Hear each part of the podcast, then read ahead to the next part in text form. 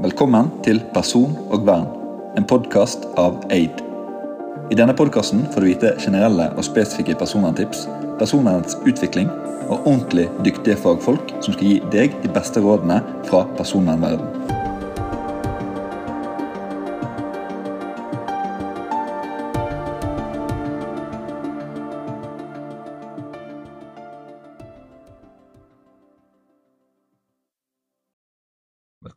Podkast av Person og vern. Mitt navn er Daniel Osen, og jeg er personvernrådgiver i Aid. Det er viktig å ha generell kunnskap om personvern for å vite hvor dine personopplysninger lagres, hvordan de behandles, og hvem de deles med. Personvern har eksistert mye lenger enn det de fleste tror, og vi skal begynne allerede tilbake igjen på 1700-tallet der personopplysninger begynner å bli registrert i Norge. Det er i 1769.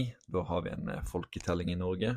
Og det var jo viktig for å finne ut hvor mange vi var, hvordan folk bodde, og eh, andre ting som kunne fortelle noe om Norges befolkning og hvilke tiltak man skulle iverksette.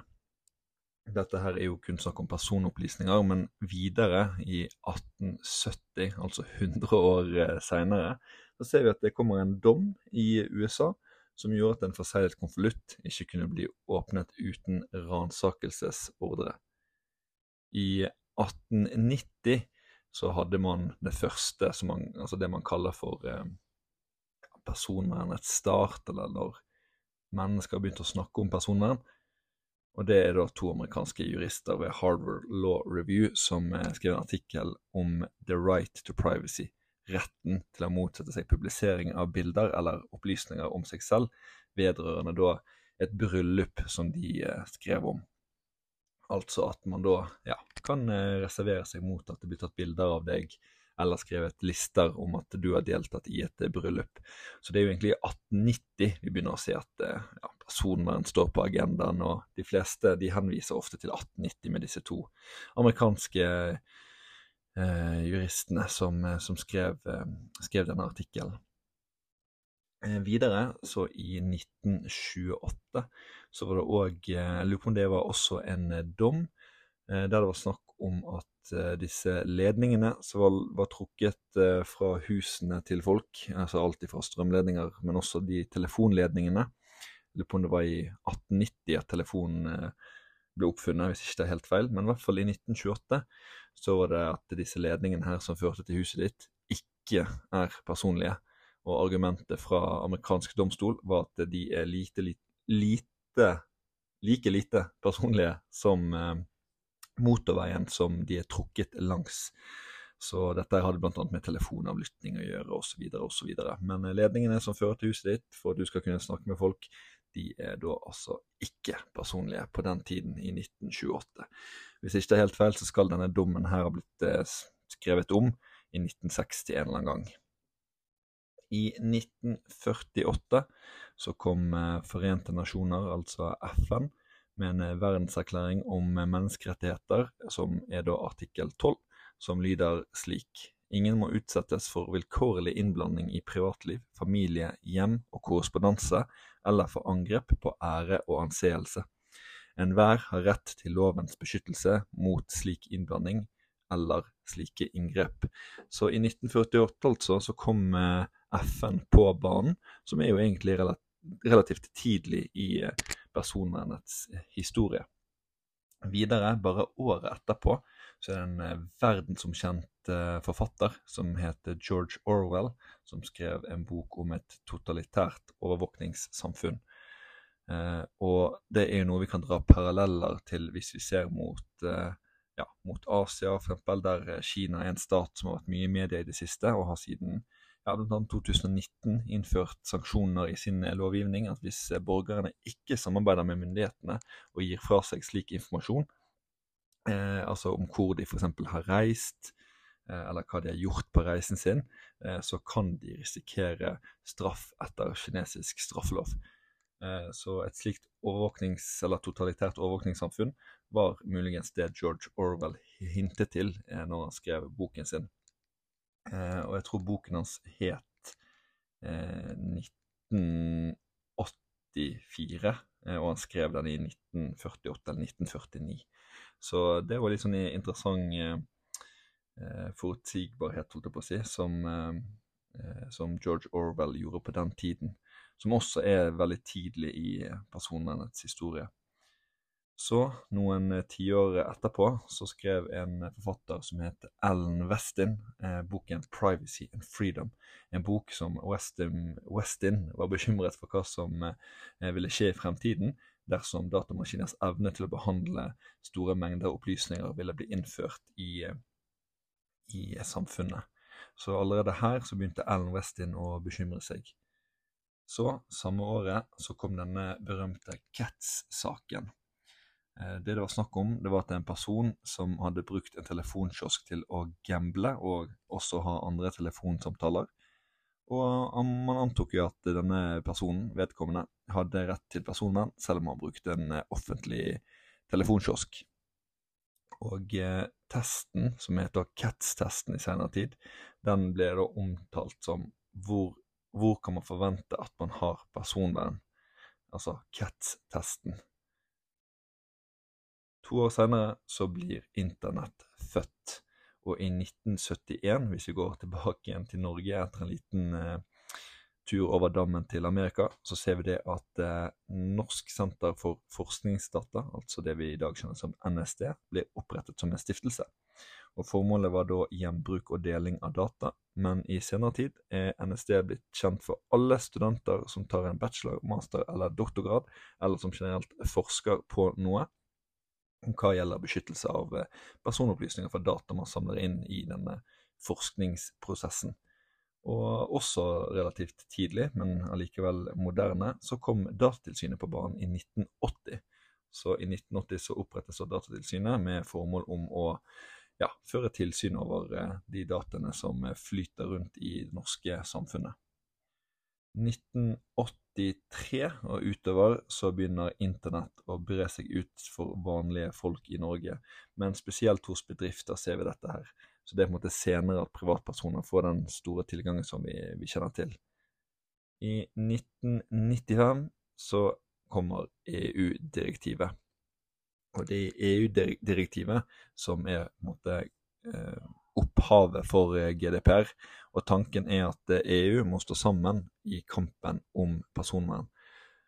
Og EU-direktivet er jo primært sett opprettet for uh, europeiske land, men i senere tid så så man det at handelen mellom europeiske, asiatiske og amerikanske, søramerikanske og Australia måtte komme opp som en viktig sak.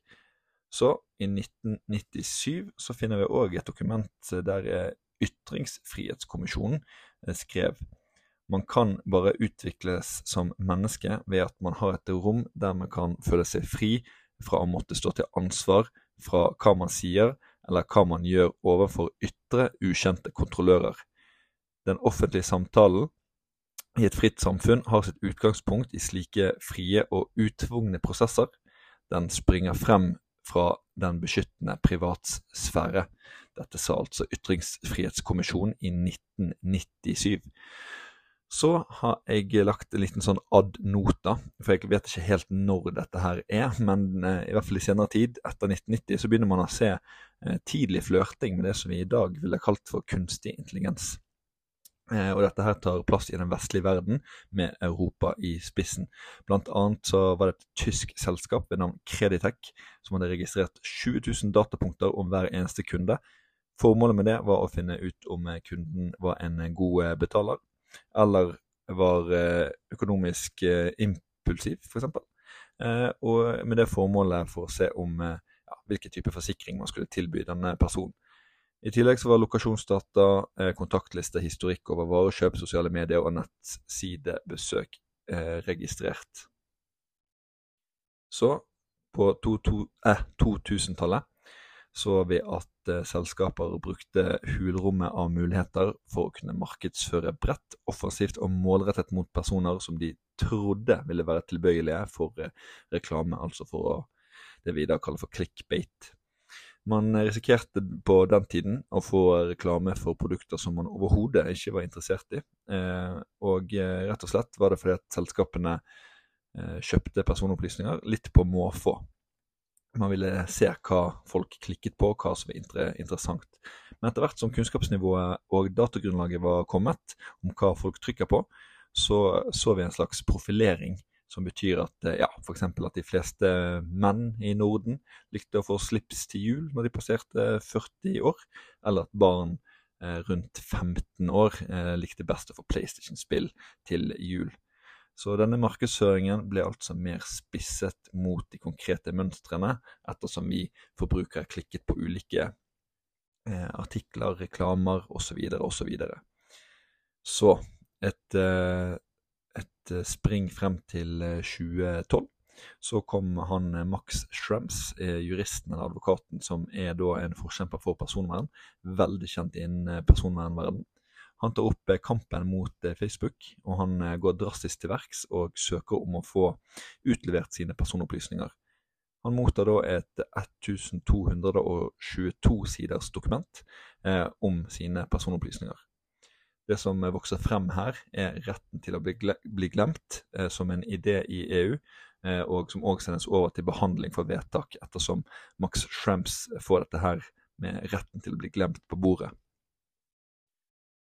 Et år fremover så kan jeg trekke inn eh, dette her med Edward Snowden, som lekker graderte opplysninger eh, til eh, den britiske avisen The Guardian.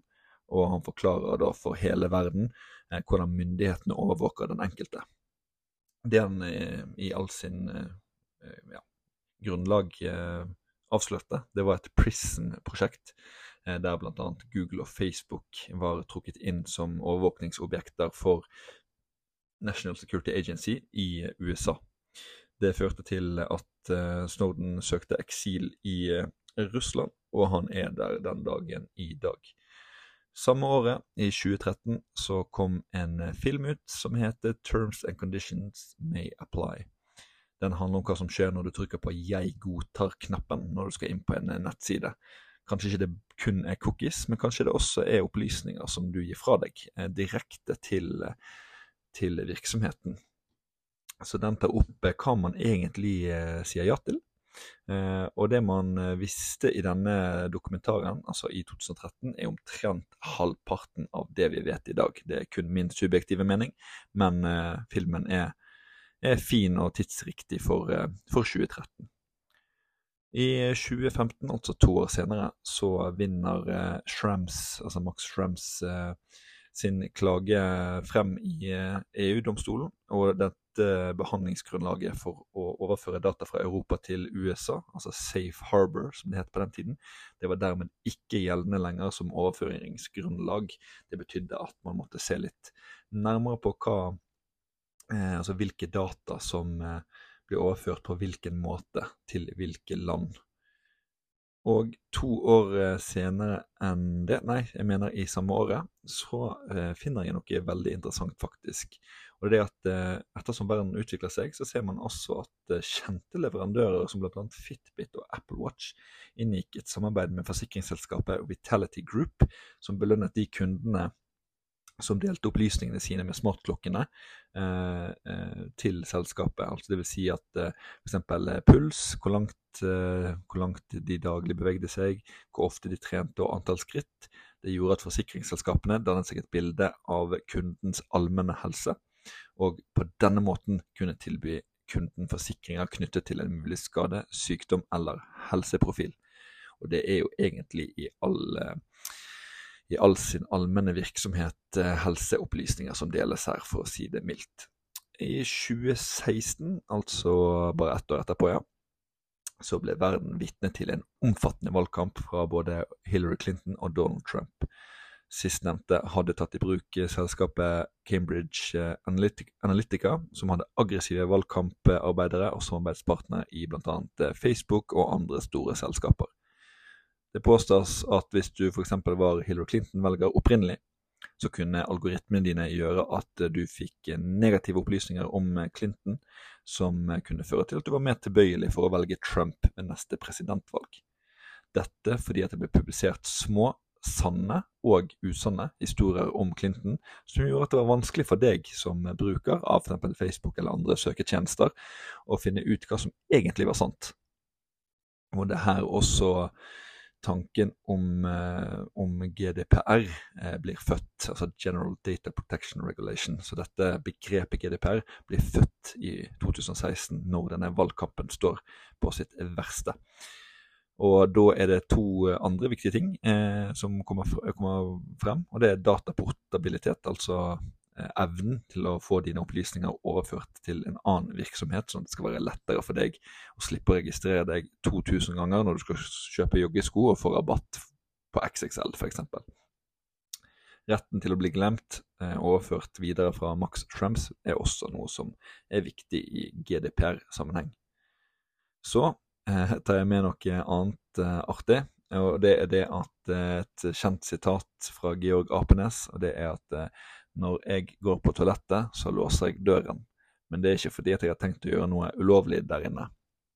Georg Apnes døde altså i 2016, og han var en kjent Høyre-politiker og var også direktør i Datatilsynet. Veldig fint eh, sitat der. I 2018 så trer GDPR i kraft i EU og EØS-land. Og etter utvikling fra 2016 så ser man at det kanskje viktigste punktet med GDPR faktisk er ansvar. Det betyr ikke at eh, retten til å bli glemt og dataportabilitet og andre begreper er uviktig, men dette med ansvar er kanskje det mest viktigste. Eh, og det er ingen andre enn virksomheten og dens leder, eh, altså behandlingsansvarlig, som det heter etter eh, personopplysningsloven og personvernforordningen, altså GDPR. Det er den personen sitt ansvar at personopplysninger behandles på en god nok og en sikker nok måte. Datatilsynet ser jo også etter at GDPR trer i kraft, at 821 klager kommer inn, eh, noe som er en markant, eh, markant økning fra tidligere. Og det betyr jo egentlig at eh, ja, europeiske og norske, altså norske i dette tilfellet, eh, forbrukere er mer personvernsbevisste enn tidligere. Så kommer vi til 2019, altså bare året etter eh, GDPR er truffet inn. Og da ser man at eh, på statistikk at 98% av alle personvernklager eh, mot Facebook ikke ble håndtert. Det betyr at eh, håndhevelsen av personvernbrudd egentlig er ikke eksisterende, og her vokser det frem en stor bevegelse mot at personvern det må tas på alvor. Samme året, 2019, så kommer eh, filmen The Great Hack, som blir publisert. Eh, og Den forklarer hvordan sosiale medier påvirker folk, og analyser av folks atferd for muligheten for å publisere nyheter som enten understøtter det du allerede liker, eller som vil få deg til å tenke på en annen måte. Så kommer kanskje det viktigste du som lytter må ta med deg fra denne podkasten, og det er at i samme år, altså i 2019, så blir Aid født. Altså selskapet til Person- og vern-podden her. Det blir eh, etablert, og eh, i senere tid, altså til dagen i dag, så har selskapet utviklet seg enormt. Vi har eh, tjenester innenfor innsyn, samtykke og modenhetsanalyse, og vi er et selskap som kan bidra til at virksomheter enkelt kan utvikle sitt personvernarbeid. Også i 2019 så kommer det et overtredelsesgebyr i, på en enorm sum. Den er på 1,2 millioner fra Datatilsynet eh, til Oslo kommune. og Da er det snakk om appens appen Skolemelding, som bl.a. hadde et fritekstfelt og vi mennesker er jo kjent for å skrive ganske mye når vi får anledning til det. Så skriver man gjerne at eh, ungen er syk, både pga. brannkopper, kjønnssykdommer og det ene og det andre. Og det gjør at det kommer masse opplysninger som eh, skolen og andre egentlig ikke har behov for. Så eh, dette fritekstfeltet pluss noe annet, det straffes da med et overtredelsesgebyr på 1,2 millioner. Så, i 2020, så vinner eh, Max Schrems nok en gang eh, frem i domstolen eh, mot EU. Og der ser vi at det er betydning for regler rundt overføring av personopplysninger. Nok en gang, nå er det ikke Safe Harbor, men Privacy Shield som overføringsgrunnlag som blir skutt ned. Og Max Schrems han fortsetter sitt personvernarbeid den dagen i dag, og det snakkes jo om et kanskje et Schrems, Schrems 3-rettssak. da. Eh, han har for øvrig opplyst at det vanskeligste rundt disse sakene er faktisk ikke lover og regler og papirarbeidet, men det er faktisk pengene det koster å drive et slikt arbeid. Så det er jo litt sånn interessant å tenke på at uh, man ofrer uh, ja, ikke bare energi og kraft og papir og, og, den type ting, men det koster utrolig mye penger å føre disse sakene frem. I 2020 også så kommer det et vedtak om overtredelsesgebyr til Bergen kommune for Vigilo-skolesaken, som også er en eh, sånn eh, skoleapp. Eh, og der tror jeg vedtak, vedtaket var på tre millioner, ikke mindre enn det, altså. Så over dobbelt så mye som det Oslo kommune fikk. Um, 2020 er vi fremdeles på. Det var mye som skjedde i 2020, ser jeg, i det jeg har skrevet i notatene mine. Det er jo det at eh, filmen The Social Dilemma kom ut. Den er jo enda tilgjengelig på Netflix, sikkert som de andre filmene også. Og den viser hvordan design lurer oss forbrukere eh, med tanke på vår internettaktivitet i sosiale medier, og hvor mye som faktisk blir overvåket, og hvordan de store tech-selskapene påvirker vår atferd ubevisst. Og der sier jo også, han eh, Tristan Harris, en av, eller det er vel kanskje den eh, personen som er hovedkarakter, at hvis ikke du betaler for produktet, så er du produktet. Kjent sitat fra Tristan Harris der. Så 2020, 2022, eh, eh, som er da i fjor, så kommer det en presidentordre fra Biden om nytt overfor, overføringsgrunnlag, eh, og det begynner å støpes i det små. Noe som kan muligens bli en eh, opprydding i det langtrekkende arbeidet med overføringsgrunnlag som skal erstatte Privacy Shield. Og det handler fremdeles om Europa og USA. Hvordan skal handelen på det store internettet foregå med tanke på personopplysninger? Mm, også i 2022, dette her var vel i november, hvis ikke det er helt feil, så kommer Personvernkommisjonen eh, med bl.a. Eh, Trine Skei Grande og Aksel, to Aksel Busch ut med sin norsk, eller Norges offentlige utredning eh, 2022-11 eh, om personvern.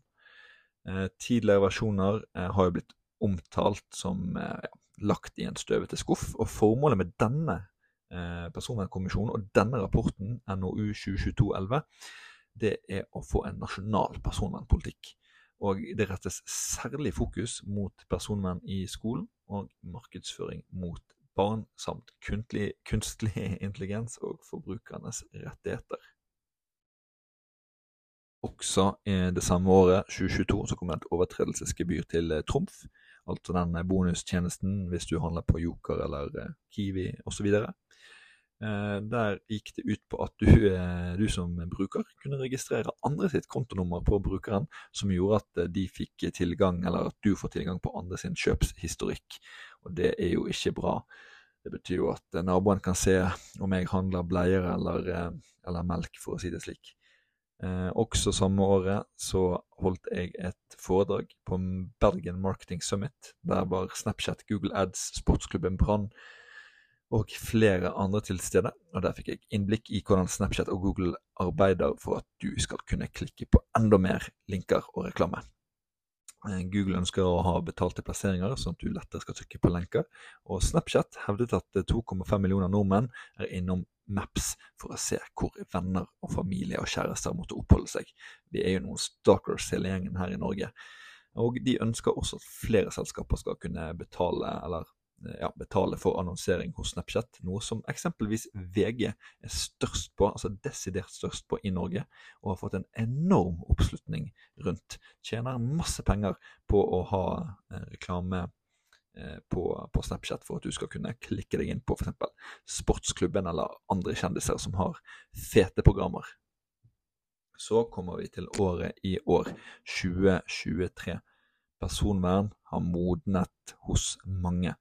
Overføringsgrunnlag med USA vil trolig bli enklere, og eh, hvis du vil vinne kunder og marked, så er du nødt til å implementere personvern i kunstig intelligens. Det er også lovpålagt. en prosjisering fra meg som personvernrådgiver og representant for AID er at hvis du vil ha tillit i 2023 og fremover, så må du ha personvern på topp tre-listen over prioriteringene dine.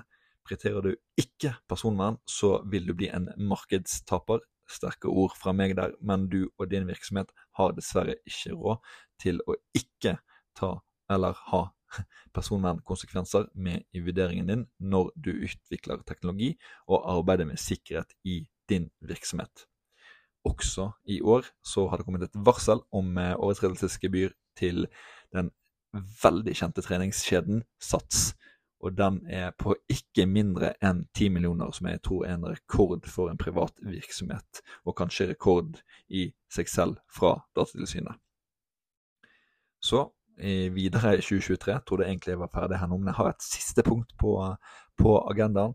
Og det er det at eh, flere selskaper eh, har blitt angrepet i nyere tid. Og der er SAS en av de, altså Scandinavian Airlines. Og der er det dessverre slik at eh, opplysninger, personopplysninger om eh, kunder har kommet på avveie ifølge av angrepet. Og eh, på avveie er kanskje noe offensivt fra meg å si, men andre kunder kunne i alle fall få tilgang på dine opplysninger dersom du var innlogget da angrepet skjedde.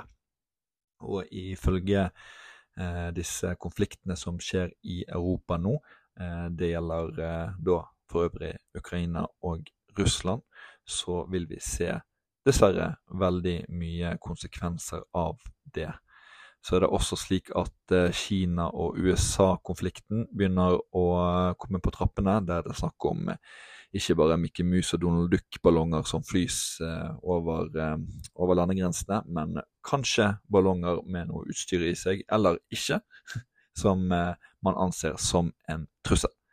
Pga. dette her så ser vi at det er mer anspent stemning i Europa, og det gjelder nå før en før uh, ulykken inntreffer, å sikre seg. Sikre sine verdier uh, og få et godt nett, sikkerhetsnett i selskapet, slik at personopplysningene i din virksomhet ikke kommer på avveie.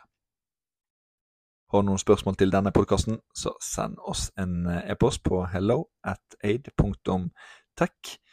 Og så håper jeg at vi høres til neste podkast.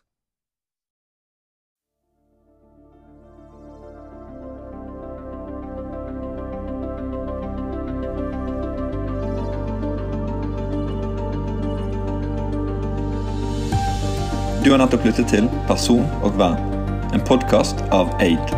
Har du innspill, ris, ros eller vet om noen som burde gjeste vår podkast? Send en e-post til hello alfakrøll, aid.tech.